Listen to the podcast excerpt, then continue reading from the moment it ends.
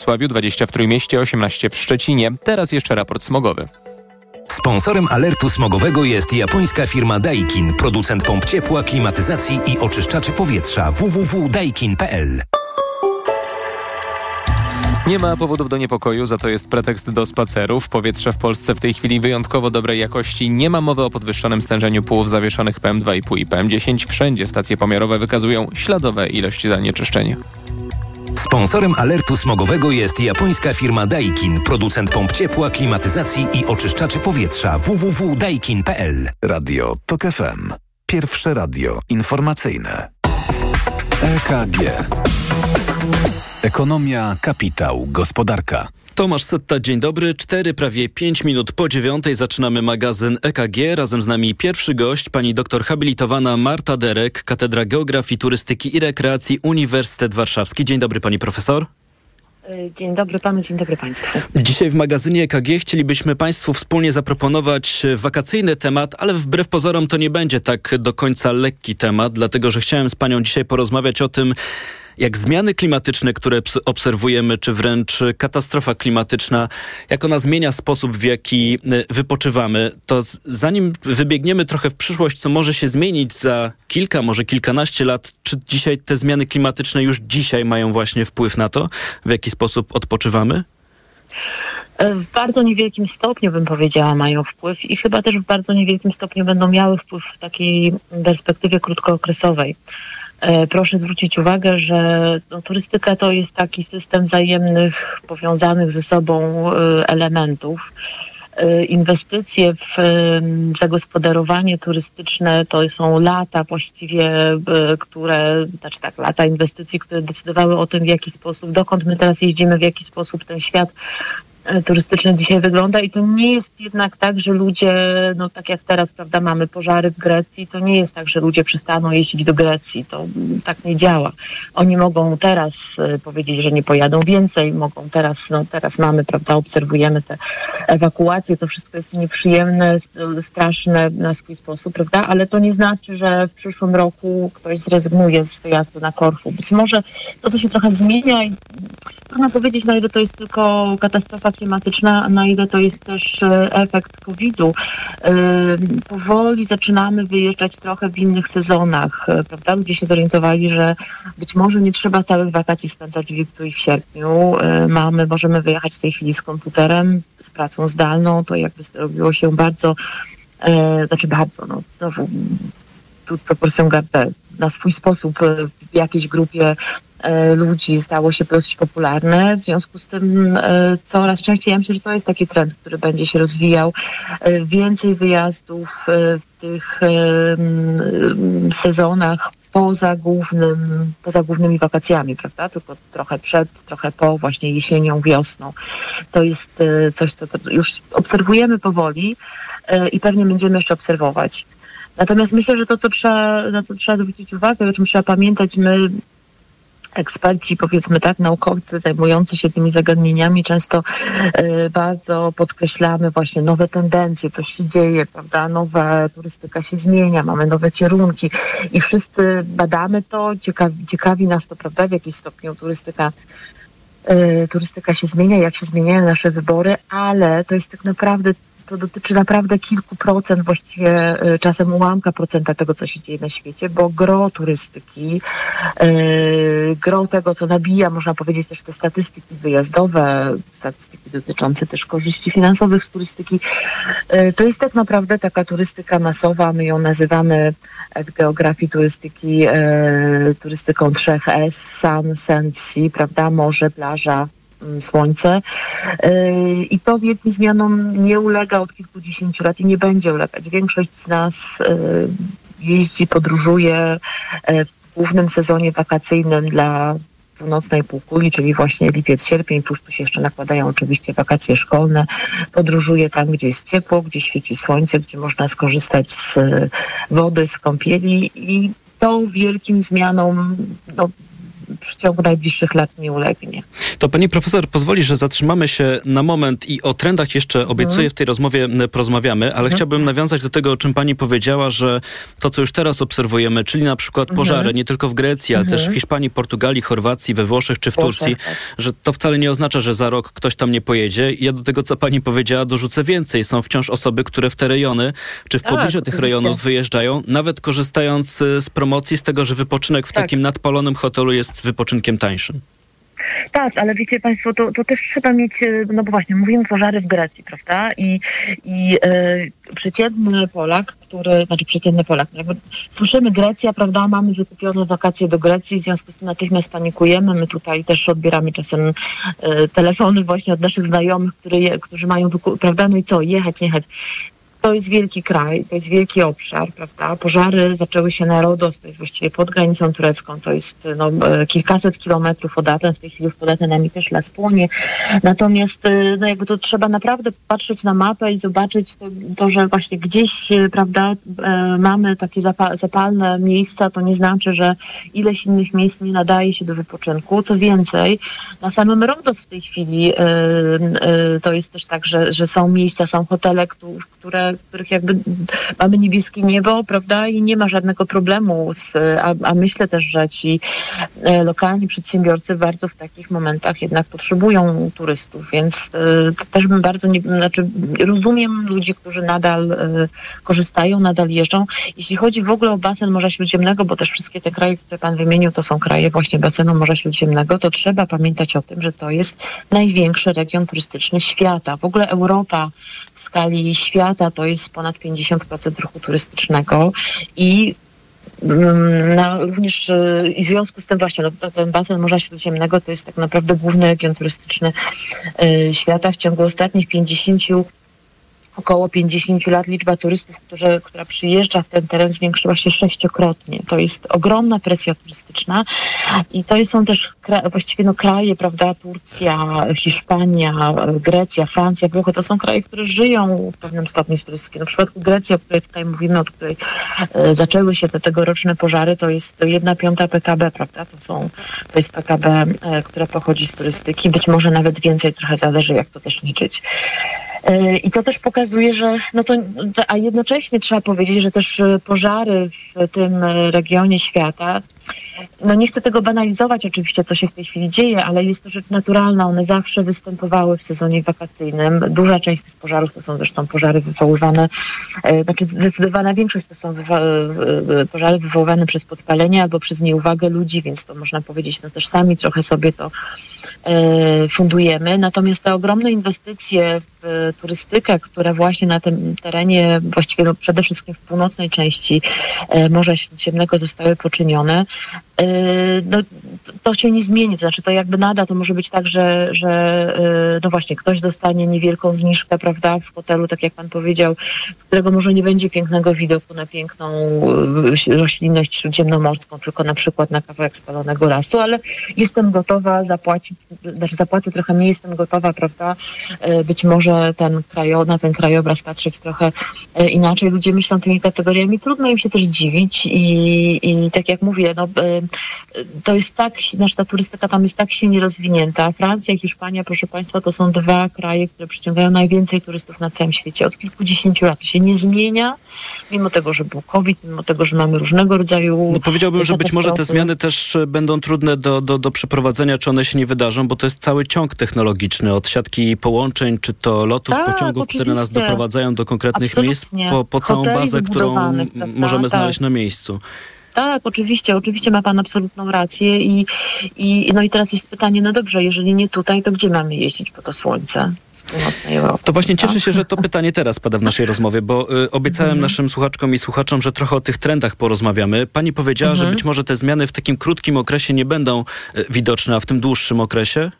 Czy to będzie coś no więcej poza tą zmianą terminów, kiedy wyjeżdżamy? Um, ja myślę, że nie. To znaczy, że oczywiście, znaczy tak, zmiany się dokonują. Jak mówię, trendy nowe się pojawiają i tutaj jakby trudno je też przewidywać ze względu na no, chociażby właśnie tym świetnym przykładem jest COVID, prawda? Nikt tego nie przewidział, ale przypomnijcie sobie Państwo początek 2020 roku.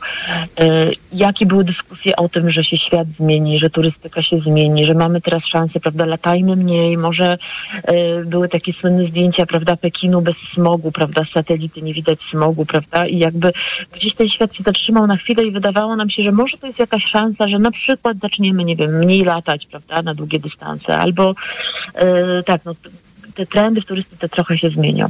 Nic z tego. Minęły trzy lata, czy właściwie prawie, e, prawie cztery i można powiedzieć, że weszliśmy w te same buty, w te same kierunki, dlatego też, że to jakby turystyka to, to znaczy mało kto otwiera mapę i zastanawia się, no dobrze, gdzie ja mogę teraz pojechać, zabrać ze sobą, nie wiem, namiot, czy nawet poszukać miejsca noclegowego. Jednak nami sterują, e, steruje oferta turystyczna, sterują, e, no to co pan powiedział, prawda, przygotowane siatki połączeń, e, przygotowane hotele. E, tak, ale pozwoli pani, że wejdę w słowo. No, z drugiej no, strony, oprócz tej oferty, którą mamy do dyspozycji, mhm. która może być kusząca ze względów takich ekonomicznych, mamy mhm. też warunki, które panują na miejscu, że dla części osób być może e, za kilka lat e, ten basen Morza, Morza Śródziemnego będzie takim mhm. miejscem, w którym to nie będzie wypoczynek, w którym ta ta, ta, temperatura będzie po prostu bardzo tak. dużym wyzwaniem i to może być tym elementem zniechęcającym do podróży. Zgadzam się, obawiam się, że to będzie powodowało wyższe wydatki na klimatyzację w hotelach.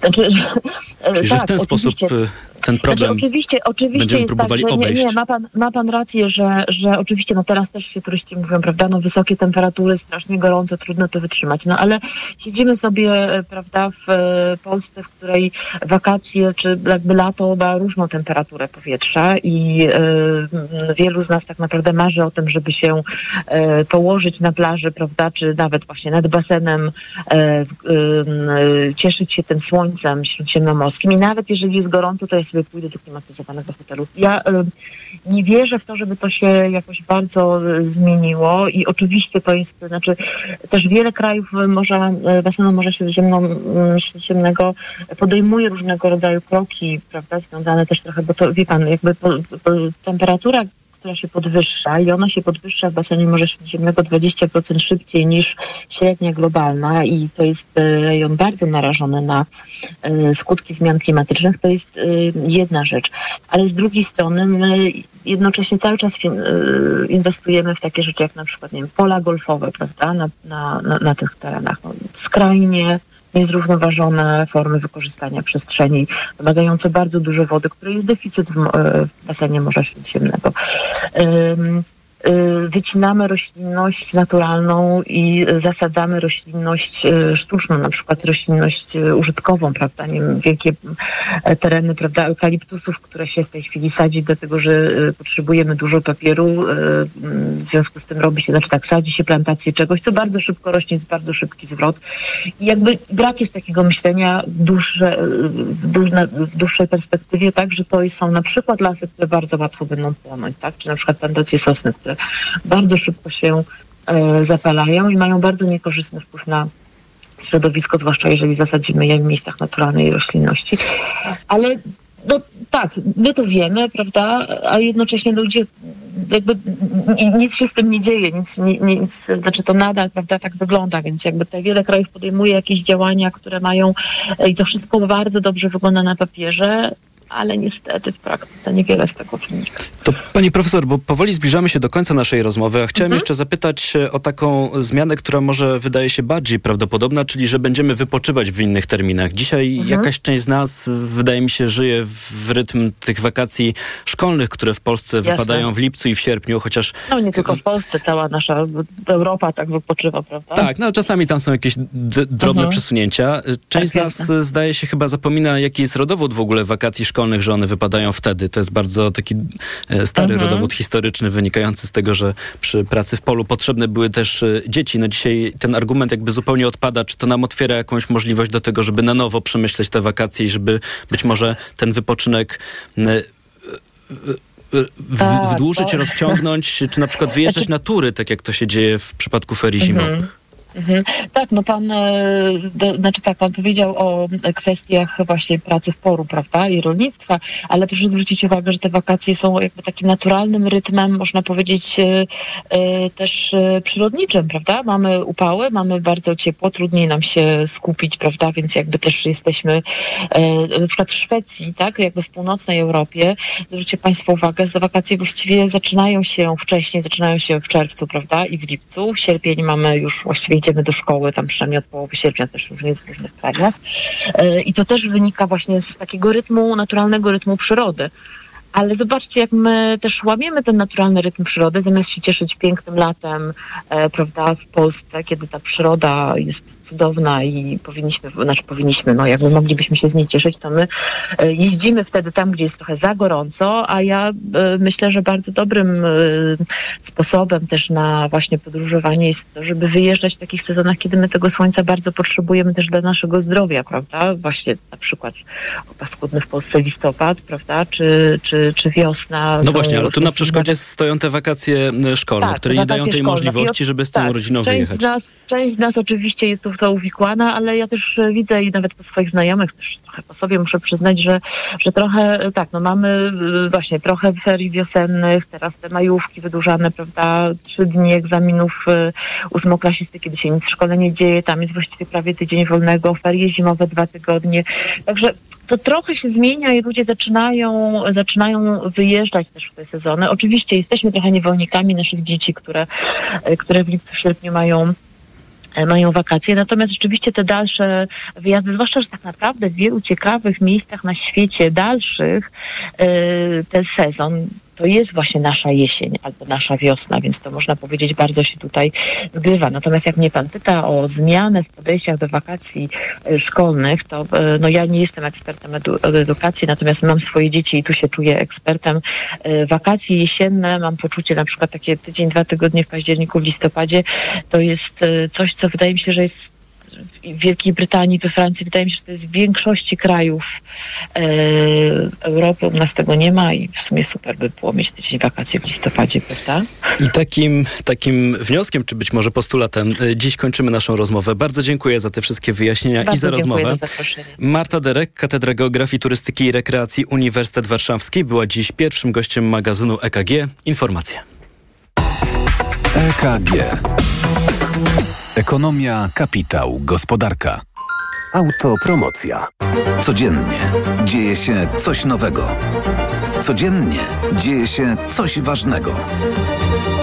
Trzymaj rękę na pulsie i słuchaj swoich ulubionych audycji oraz podcastów i seriali reporterskich TOK FM w dowolnej kolejności, o dowolnej porze, zawsze gdy masz na to ochotę. Dołącz do TOK FM Premium. Teraz 30% taniej.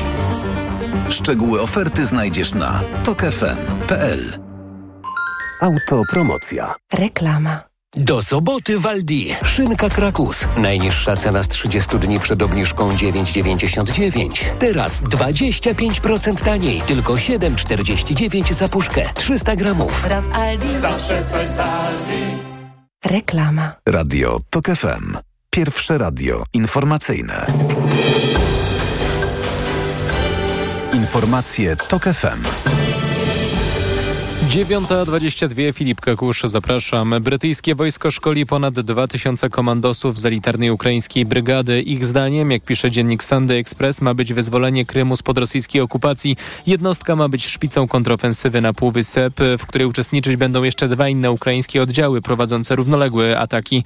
Baza, w której ćwiczą komandosi, została zamknięta dla innych jednostek i osób postronnych. O tym, że siły ukraińskie wkrótce wejdą na Krym, zapewniał w sobotę szef wywiadu wojskowego Kijowa Kryło Budanow.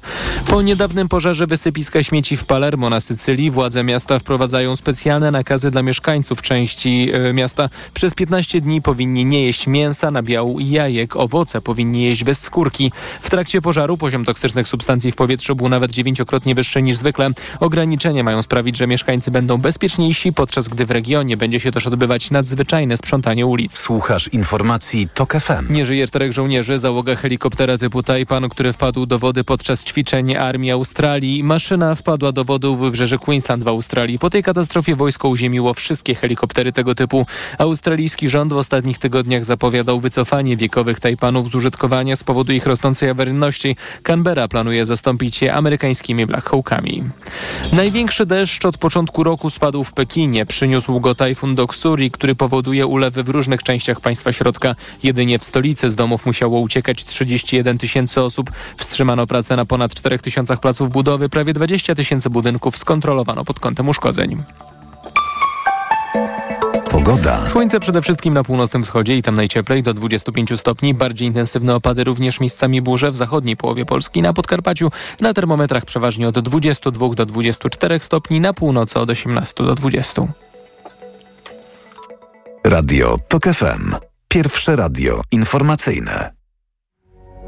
Jan Paweł II jest świętym dla katolików, dla większości normalnych ludzi na tym świecie, oczywiście tych, którzy wyznają nasze wartości. Dla Polaków i dla większości świata jest autorytetem. Ten atak jest na dwie części. Na świętego i na autorytet. To jest atak na Polskę, na rację stanu naszej wspólnoty. Ja teologiem nie jestem, ale mm, wydaje mi się, że to święty powinien bronić nas, a nie my świętego. Skoro prawda nas wyzwoli, jak twierdził Jan Paweł II, trzeba jej szukać.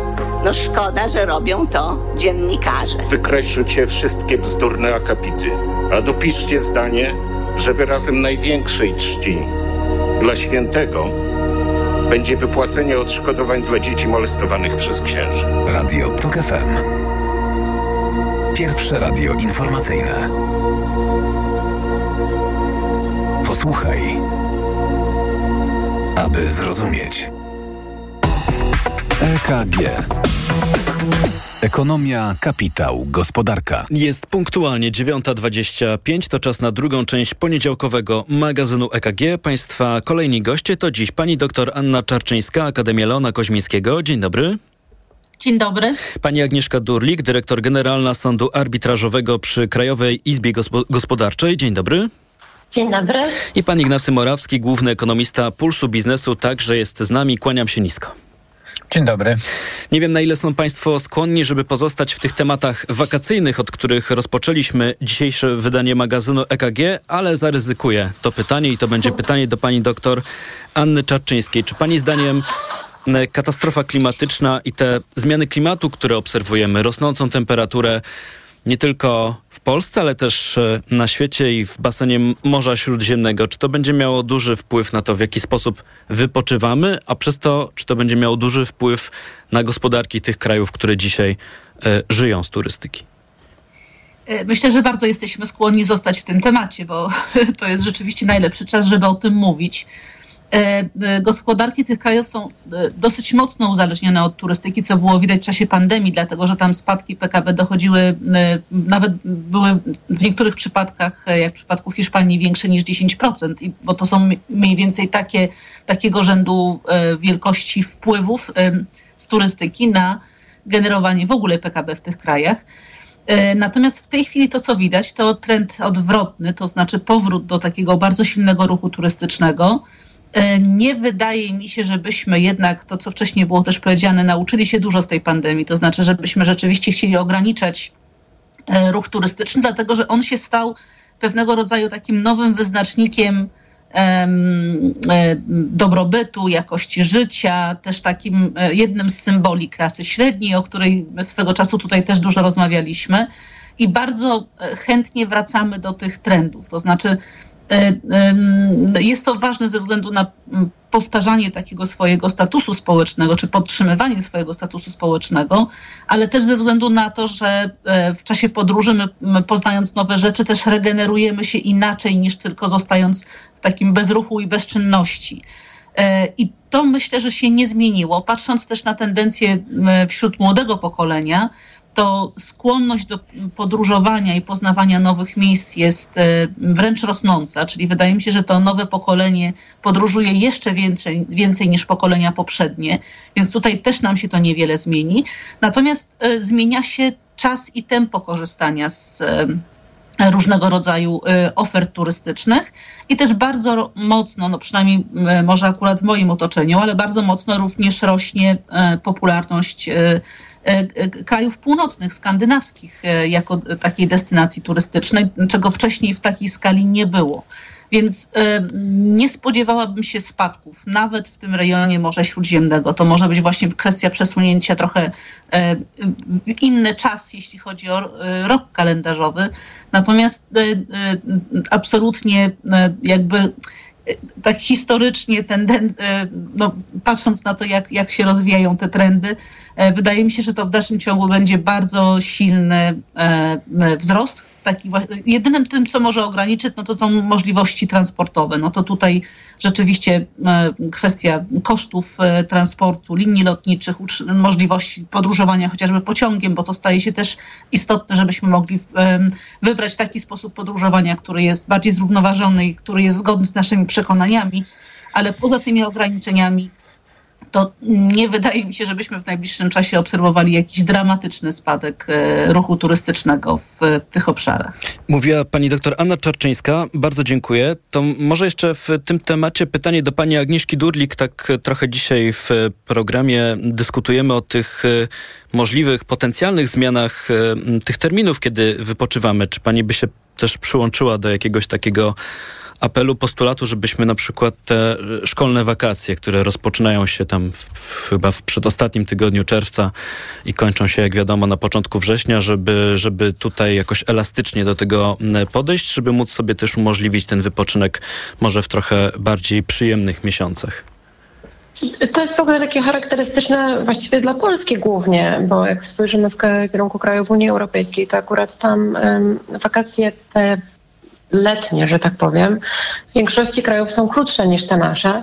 Natomiast pojawiają się dłuższe przerwy w trakcie mm, roku szkolnego. Tutaj już była wspomniana na samym początku Francja, która ma w ogóle takie cykle e, bodajże cztery tygodnie nauki, tydzień odpoczynku. I to jest taka zmiana, o której zwłaszcza w zakresie sporej mechanizacji produkcji rolnej. E, a tak jak to też wspomniałem na początku rozmowy, mm, w Polsce te wakacje były na tyle długie, żeby dzieci mogły e, pomagać przy zbiorach i, i to rzeczywiście historycznie było tak uwarunkowane. Mamy też zmianę klimatu e, dużo lepszym, na przykład czasem do wypoczywania w samej Polsce jest czerwiec w tej chwili niż nawet lipiec, ponieważ e, czy, czy, czy późny, czy koniec sierpnia, ponieważ jest po prostu nad polskim morzem wtedy cieplej. Ale też e, takie zmiany w wielu krajach e, tak jak w tej chwili u nas ma to miejsce z wakacjami zimowymi, jest rotacja tych przerw od szkoły w różnych regionach kraju. W związku z tym ten lokalna, ta lokalna turystyka e, ma e, też więcej możliwości pozyskania klientów na swoje usługi w dłuższym czasie. Także to jest rozwiązanie no też poza tym dobre z tego, co się wydaje dla dzieci. One mają po prostu częściej możliwość odpoczynku i zregenerowania swoich sił. U nas z tym bywa różnie, także to jest Mm, taki stymulant zarówno dla usług dla rynku turystycznego, jak i dla, dla, dla samej uczącej się młodzieży pozytywny przejście do takiego pomysłu. I też kwestia nawet zorganizowania życia rodziny i też zakładów pracy, które w tej chwili jednak są dużą częścią produkcji PKB w stosunku do rolnictwa. Także mamy, moglibyśmy też trochę łatwiej E, układać te cykle w zakładach pracy. Mówiła pani Agnieszka Durlik, także dziękuję. To teraz pan Ignacy Morawski. Pytanie, czy pozostajemy przy, w, w temacie wakacji, czy przechodzimy jakoś płynnie do tej strasznej polityki pieniężnej? E, no to już e, Pana decyzja, ale ja mogę powiedzieć kilka słów e, o tym, co się dzieje dziś na, na, na świecie, bo widać, że ruch turystyczny w tych krajach Europy Południowej mocno rośnie można powiedzieć, że to jest trochę taka. To są trochę takie podróże odwetowe. Jest, takie, jest taki termin, który gdzieś został ukuty chyba w zeszłym roku. Podróże odwetowe, czyli e, e, fakt, że ludzie odbijają sobie trochę po kilku latach e, ograniczania e, podróży i zwiększają wydatki na podróże, a jednocześnie zmniejszają wydatki na towary. I to, to przesunięcie między usługami a towarami jest bardzo widoczne teraz w światowej gospodarce. Ono trochę nam wyjaśnia na przykład słabe wyniki takich krajów jak Niemcy, Chiny, a jednocześnie jak sobie spojrzymy na to, jak zachowuje się PKB takich krajów jak Hiszpania, czy generalnie kraje południowe, to, to tam widzimy mocniejsze, mocniejsze dane i to w jakiejś mierze jest wy, wynikiem faktu, że mamy duży ruch e, e, turystyczny, większy niż w poprzednich latach. I z tego, co widziałem e, w danych, to ruch turystyczny we Włoszech i Hiszpanii jest większy niż przed pandemią, czyli większy niż w 2019 roku. Więc jak na razie nie widać, żeby był jakikolwiek problem z ruchem turystycznym. A pytanie, i teraz oczywiście no jest to interesujące pytanie, w jaki sposób zmiana klimatyczna wpłynie na, na, na ten ruch. Ja szczerze mówiąc nie mam, nie mam opinii, którą mógłbym oprzeć na jakichś danych lub własnych analizach, prognozach. Eee, bardzo ciekawe wy, wy, wydawało mi się to, co mówiła pani Anna Czarczyńska, że jeżeli już w ogóle będziemy widać taki ef, będziemy widzieć taki efekt, to, e, to chyba nie dziś i bardziej może on będzie polegał na przesunięciu terminów podróży. Ja też szczerze mówiąc nie za bardzo widzę powód, dla którego już dziś zmiana klimatyczna miałaby wywołać e, znaczące zmiany w, w zachowaniach e, ekonomicznych ludności, tak? Znaczy to, musia, to musiałby być naprawdę jakiś taki trwały kataklizm, a chyba czegoś takiego na razie nie, nie obserwujemy. No na razie wydaje się, że to jest e, proces na, na tyle stopniowy, że on nie wywołuje takich gwałtownych zmian i być może te zmiany, które dzisiaj próbowaliśmy jakoś odgadnąć, czy prognozować, być może jeszcze dużo czasu upłynie, zanim mm, te zmiany rzeczywiście będzie można zaobserwować. Przed momentem mówił pan Ignacy Morawski. To jeszcze proponuję, żeby pan pozostał e, przy głosie, bo skoro już ja tutaj decyduję, o czym będziemy mówić, to zamykam temat wakacji tak i przejdziemy do tej, e, w duży cudzysłów oczywiście biorę strasznej polityki pieniężnej, bo to temat być może dla niektórych mniej przyjemny. A chciałem zapytać e, pana o to, co wydarzyło się w minionym tygodniu, bo za nami decyzje banków centralnych i Europejskiego Banku Centralnego i Amerykańskiej Rezerwy Federalnej. E, przed nami w Polsce, jeśli chodzi o Radę Polityki Pieniężnej, e, wakacje, ale też pewne deklaracje przed tymi wakacyjnym, przed tym wakacyjnym posiedzeniem poznaliśmy, jeśli chodzi o to, co może się wydarzyć w polskiej polityce pieniężnej. Czy z tego, co wydarzyło się na świecie, płynie jakaś lekcja dla Polski? Eee, tak, naj, naj, największe banki centralne prą do przodu z podwyżkami stóp procentowych, mimo że inflacja zaczyna odpuszczać i to jest ciekawe. A my powiedzieliśmy stop. Eee, a my powiedzieliśmy stop, e, chociaż my też mamy dużo wyższe stopy procentowe niż, niż na Zachodzie. Mimo wszystko zaczęliśmy je podnosić wcześniej, podnieśliśmy je wyżej. E, natomiast e, w Stanach Zjednoczonych i w strefie euro mieliśmy w minionym tygodniu podwyżkę stóp procentowych o ćwierć punktu procentowego. E, wydaje się, że ten cykl podwyżek stóp w krajach rozwiniętych powoli dobiega końca. Ani Fed, czyli amerykański bank centralny, ani Europejski Bank Centralny nie zasygnalizowali otwarcie, że to już jest koniec cyklu, ale gdzieś w tej komunikacji widać takie sygnały, że, że chyba już te podwyżki zbliżają się do końca, ponieważ no coraz więcej jest też sygnałów, że inflacja zaczyna e, wyraźnie się obniżać. Ta presja inflacyjna też taka fundamentalna. No i teraz pytanie jest oczywiście takie dla nas ważne. E, co wynika z faktu, że nasz bank centralny zachowuje się trochę inaczej niż te zagraniczne banki centralne? A kluczowa różnica jest następująca. Tam stopy procentowe się podnosi, mimo że projekcje inflacyjne pokazują, że inflacja będzie szybko spadała, u nas stopy procentowe chce się obniżać, mimo że projekcja inflacyjna pokazuje, że inflacja będzie powyżej celu przez najbliższe 3 lata, czy 2,5 roku. Więc mamy ewidentnie inne podejście. To tam banki centralne chcą za wszelką cenę jak najszybciej zdusić inflację, nawet ryzykując recesję. Tej recesji nie ma. Ewidentnie gospodarka jest bardziej odporna na, na ten cykl podwyżek od oczekiwań, ale determinacja banków centralnych jest bardzo wysoka. I też proszę U mnie nas... poprawić, bo ja mam takie wrażenie, że tam też jest pewna troska o to, żeby mm, to był taki trwały efekt tego, że utrzymujemy tę inflację pod kontrolą. No chodzi o to, żeby ją szybko zdusić, tak, żeby nie doprowadzić do takiego efektu, w którym e, podwyższona inflacja zaczyna się zakorzeniać w oczekiwaniach ludzi i przez to zakorzeniać też w gospodarce, tak? Bo jeżeli oczekiwania inflacyjne ludności są generalnie podwyższone, to bardzo trudno jest obniżyć inflację. E, natomiast w Polsce mamy trochę inne podejście. Wydaje mi się, że nasz bank centralny bardziej równoważy e, troskę o inflację z troską o wzrost gospodarczy. E, co ciekawe, inwestorzy na rynku finansowym nie traktują tego na razie jako błąd. Dlatego, bo popyt na złoto, gdyby, gdyby inwestorzy finansowi traktowali to jako błąd, to nie kupowaliby na taką skalę złotego jak w ostatnich miesiącach. A złoty bardzo się wyraźnie umacnia i rynek finansowy też w różnych wycenach, w wycenach różnych instrumentów finansowych oczekuje obniżek stóp procentowych. Natomiast jest to na pewno inne podejście i zobaczymy, no najbliższe pół roku czy rok zweryfikują, czy podejście to inne trochę naszego banku centralnego jest jest e, słuszne czy nie. Na pewno nasz bank centralny trochę łagodniej traktuje inflację niż, niż te zachodnie banki centralne. Mówił pan Ignacy Morawski. Ja dorzucę takie otwarte pytanie, czy większość Rady Polityki Pieniężnej też nie ma z tyłu głowy jakiejś e, troski o wynik wyborczy, bo jesienią wybory parlamentarne. Ale no tak, to, to jest to, bardzo to, ważne pytanie. To, to, to, to zostawiam na kolejną część magazynu EKG, bo teraz czas na informacje Radia Tok FM. Obiecuję, że do dyskusji o polityce pieniężnej i o, o inflacji powrócimy, bo dziś najnowsze dane o tym, w jaki sposób zmieniały się ceny, poznamy to o godzinie 10. Teraz jest 9.38. EKG.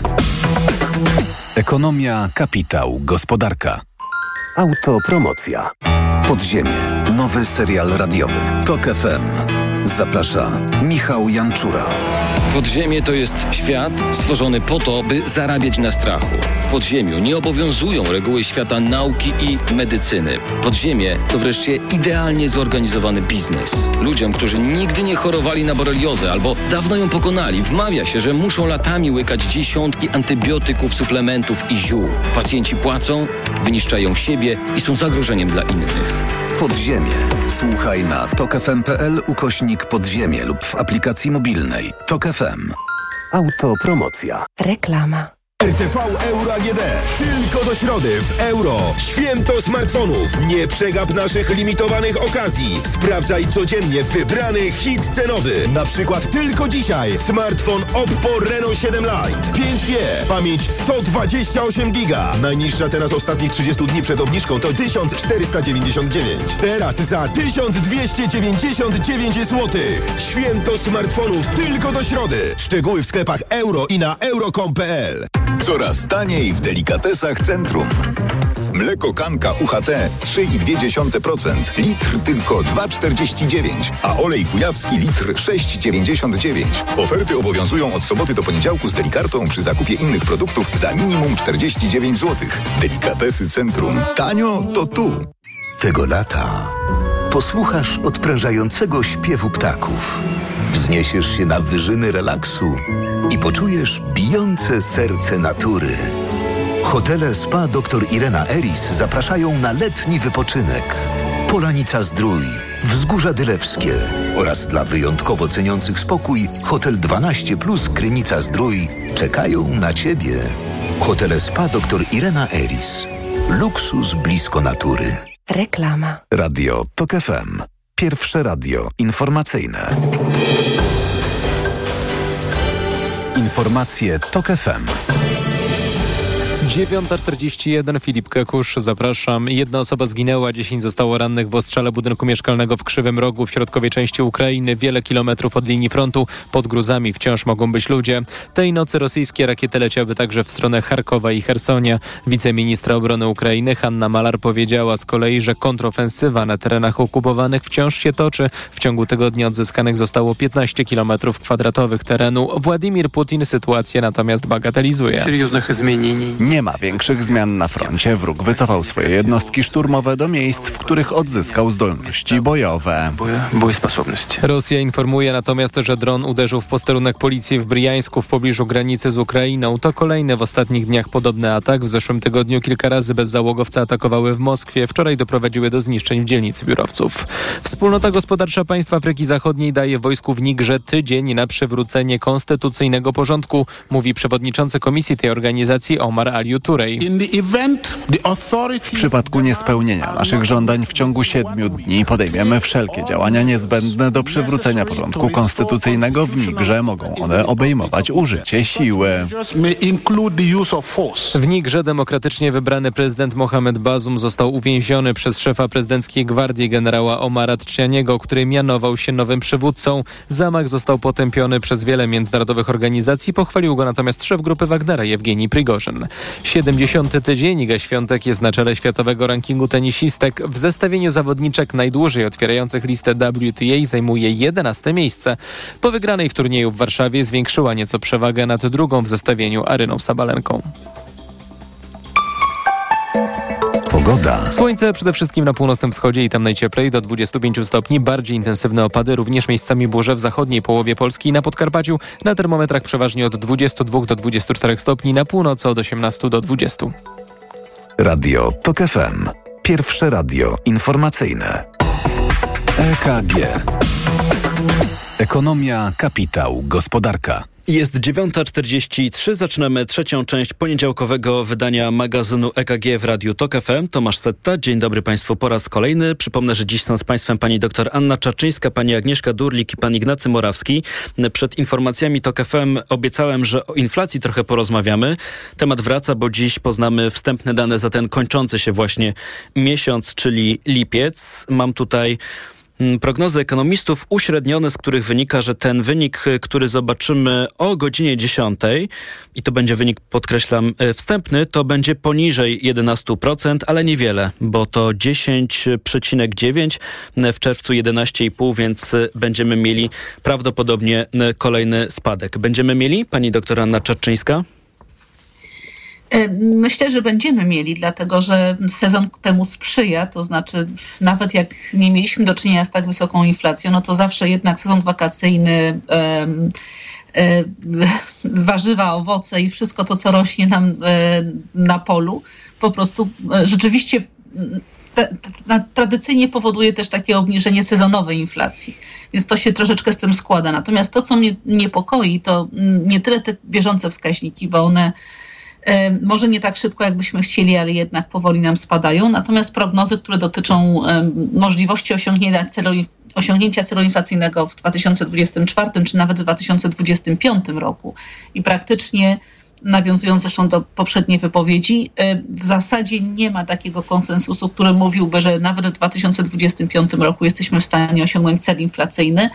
I e, chyba wydaje się, że się powoli do tego przyzwyczajamy i że rynki również dyskontują tą informację w kategoriach takiej, powiedziałabym, oczywistości, że w Polsce w ciągu najbliższych e, przynajmniej dwóch lat do celu inflacyjnego nie powrócimy. Ale pani doktor pozwoli, że wejdę na moment w słowo. Co to oznacza? Bo ten, ten, ta dyskusja na ten temat bardzo często powraca, ale w, tak jakoś jednozdaniowo się do tego odnosimy, że ten cel inflacyjny, czyli ten taki pożądany poziom, w jakim powinny rosnąć ceny, ten pożądany z punktu widzenia Narodowego Banku Polskiego, dawno zapomniane przez pewnie niektórych z państwa 2,5%, że bardzo długo na to będziemy czekać, nawet dwa lata. Ale co w praktyce oznacza, że jeszcze przez dwa lata będziemy do tego celu zmierzać?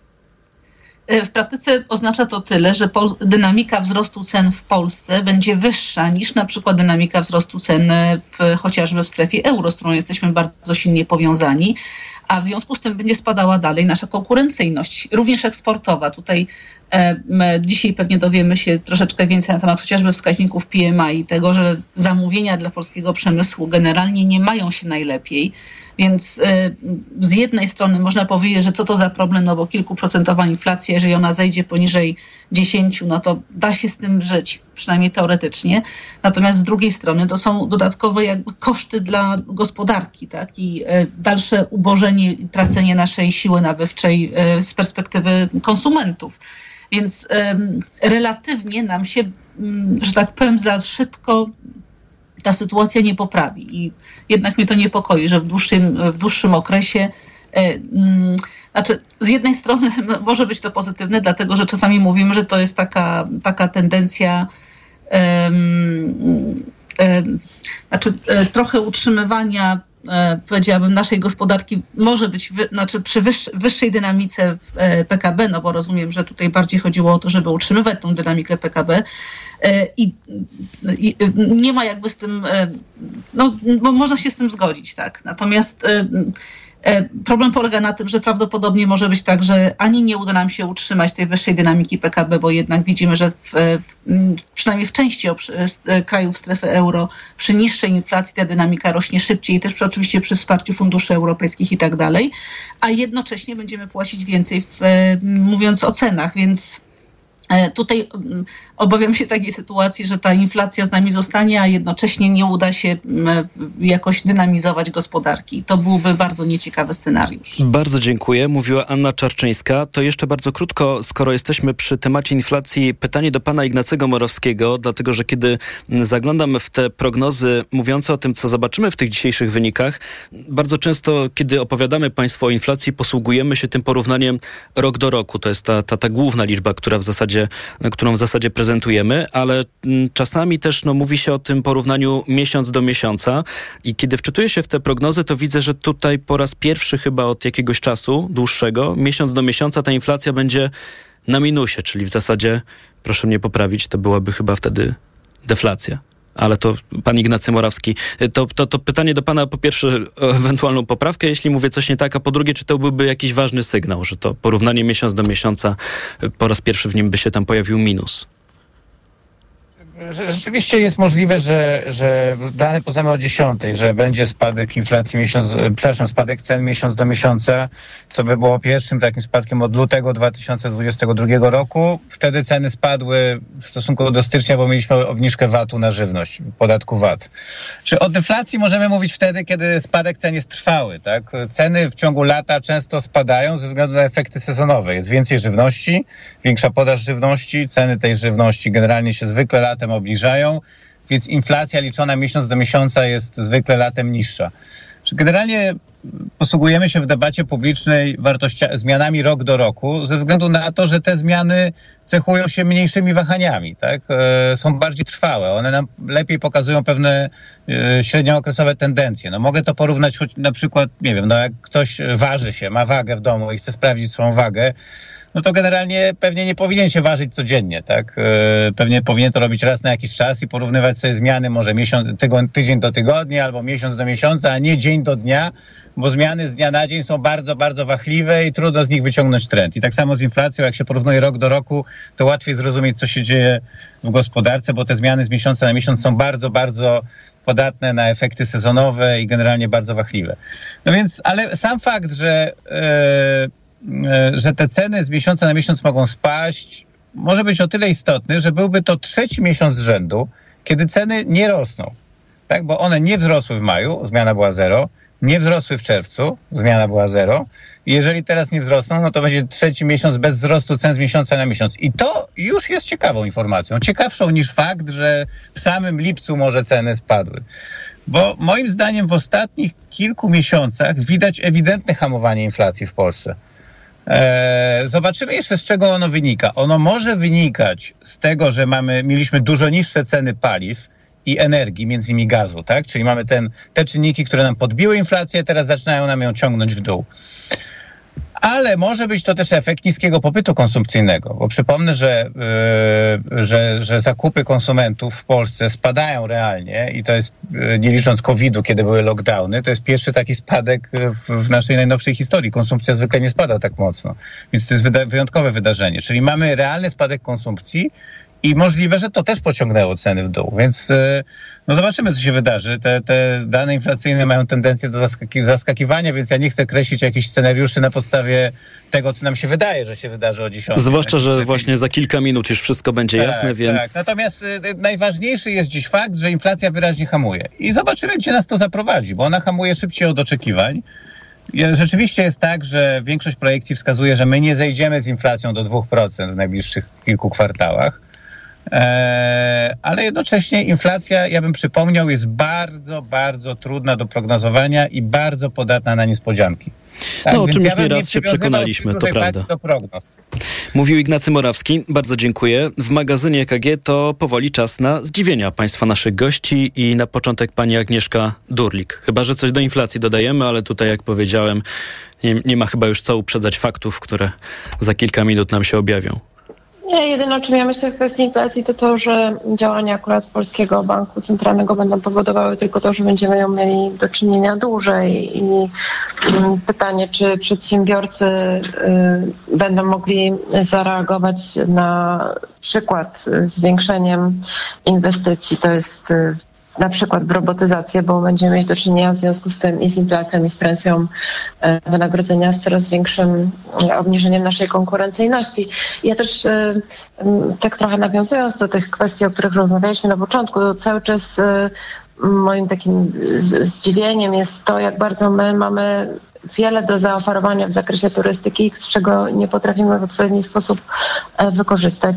Miałam okazję być w Bieszczadach niedawno i to jeżdżę tam już kilka lat i ciągle się zastanawiam, dlaczego my nie potrafimy podejmować większych inwestycji w taką lokalną infrastrukturę drogową. E, I e, mimo tego, że mamy tam jednostki e, publiczne, które zarabiają ogromne pieniądze na wycince lasów bieszczadzkich, e, zajeżdżając te lokalne drogi, e, to nie ma e, inwestycji w to, aby one powróciły do tego stanu dobrego, albo nawet stały się drogami lepszymi, tak żeby turyści nie jacyś zmasowani, to nie muszą być autostrady, e, mogli te miejsca e, na polskiej mapie e, zwiedzać. I to dotyczy wielu regionów oddalonych od powiedzmy tych głównych ciągów komunikacyjnych. Także ciągle mnie dziwi to, że nie potrafimy tych zasobów wykorzystać i wesprzeć w ten sposób też e, te osoby, które tam e, prowadzą działalność gospodarczą. I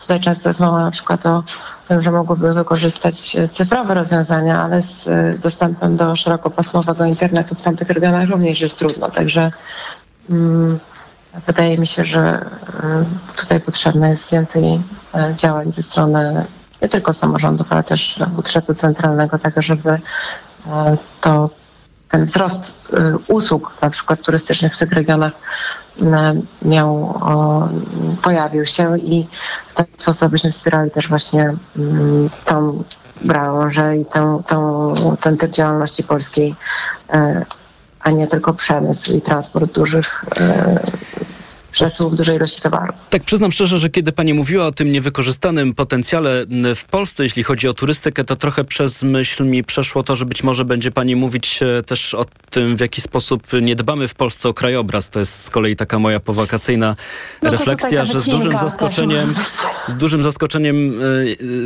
e, okazuje się, że są takie miejsca w Europie, że, że, że, że tak naprawdę człowiek przechodząc przez miasto może nie napotkać żadnej reklamy i, i dociera po jakimś czasie dopiero wtedy do człowieka, że to jest No, spora też ulga.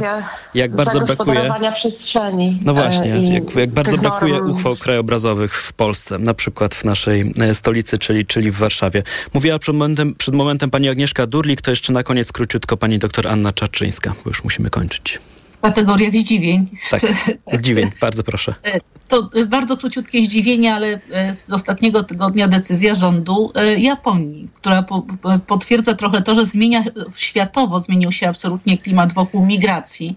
Bo gdybyśmy mieli szukać kraju najbardziej w cudzysłowie zabetonowanego, który nigdy nie przyjmował migrantów i nigdy nie pozwalał na wydawanie wiz pobytowych, no to właśnie to jest taki przykład.